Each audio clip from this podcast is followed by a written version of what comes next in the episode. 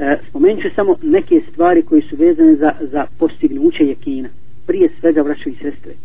Prva stvar koja nam uvijek mora biti na umu jeste traženje pomoći od Allaha subhanahu wa ta'ala nas učvrsti. Mi to ne možemo. La hawla wa la kuvvata illa billah. Upravo to znači. Nema snage i nema moći osim Allahove moći.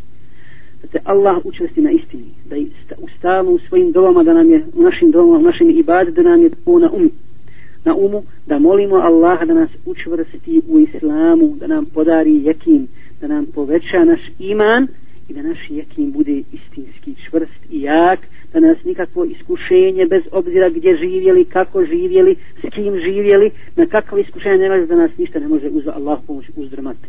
A Allah je svemoćan i on to, i on to može i pomoći će istinske, istinske vjernike. Zatim, razmišljanje čitanje Kur'ana i sunneta s razmišljanjem sire poslanika sallallahu alaihi wa sallam. Proučili smo ajet u kojem Allah kaže fil ardi ajatun il mukinin i na zemlji i u zemlji, dakle u čitavom kosmosu su dokazi za one koji su ubježeni, koji posjeduju, posjeduju jekin. Zatim, lijep primjer, odnosno sabr i sabr na iskušenjima kroz druženje sa učenim ljudima uzimanje e, lijepih, dobrih primjera, dobrih muslimana i učenih ljudi za svoje uzore, druženje s njima, savjetovanje s njima.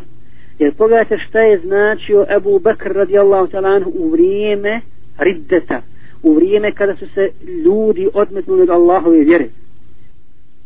I šta je značio Ahmed ibn Hanbel za istinske muslimane u vrijeme velikog iskušenja i fitne, oko stva, o, o, i one mesele o, o, o halku Kur'ana, stvaranju stvorenosti Kur'ana.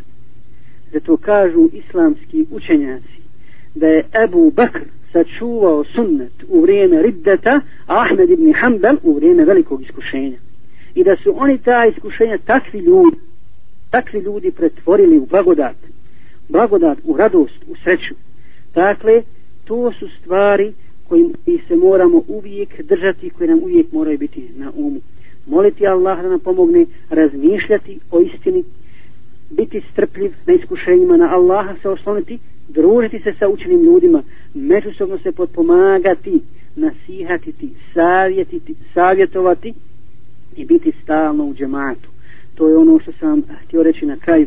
Dakle, nemojte se razdvajati, nemojte dozvoliti da vas šeitan zavede, da vas šeitan zavede da se podijelite, da vas neke sitne mesele, sitne mesele koje nisu toliko bitne i važne, udalje, udalje od temeljnih stvari, odnosno od čiste islamske akide i menheđa poslanika sallallahu alaihi ve sellem.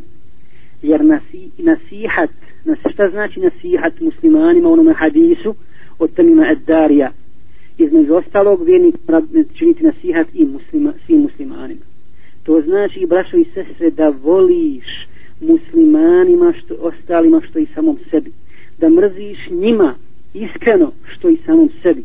Da budeš prema njima samilostan, pažljiv, da budeš strpljiv posebno prema onima koji čine grijehe, koji su griješnici, koji se još nisu vratili istinski Allahu, da saburaš maksimalno, da ih zijaretiš, da ih pomažeš, da dijeliš s njima du, tugu i radost.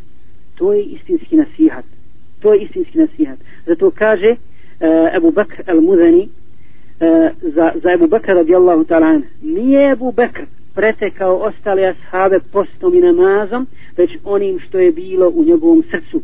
A to je ljubav istinska ljubav prema Allahu subhanahu wa ta'ala i nasihat muslimanima u svakoj prilici. Nasihat muslimanima u svakoj prilici.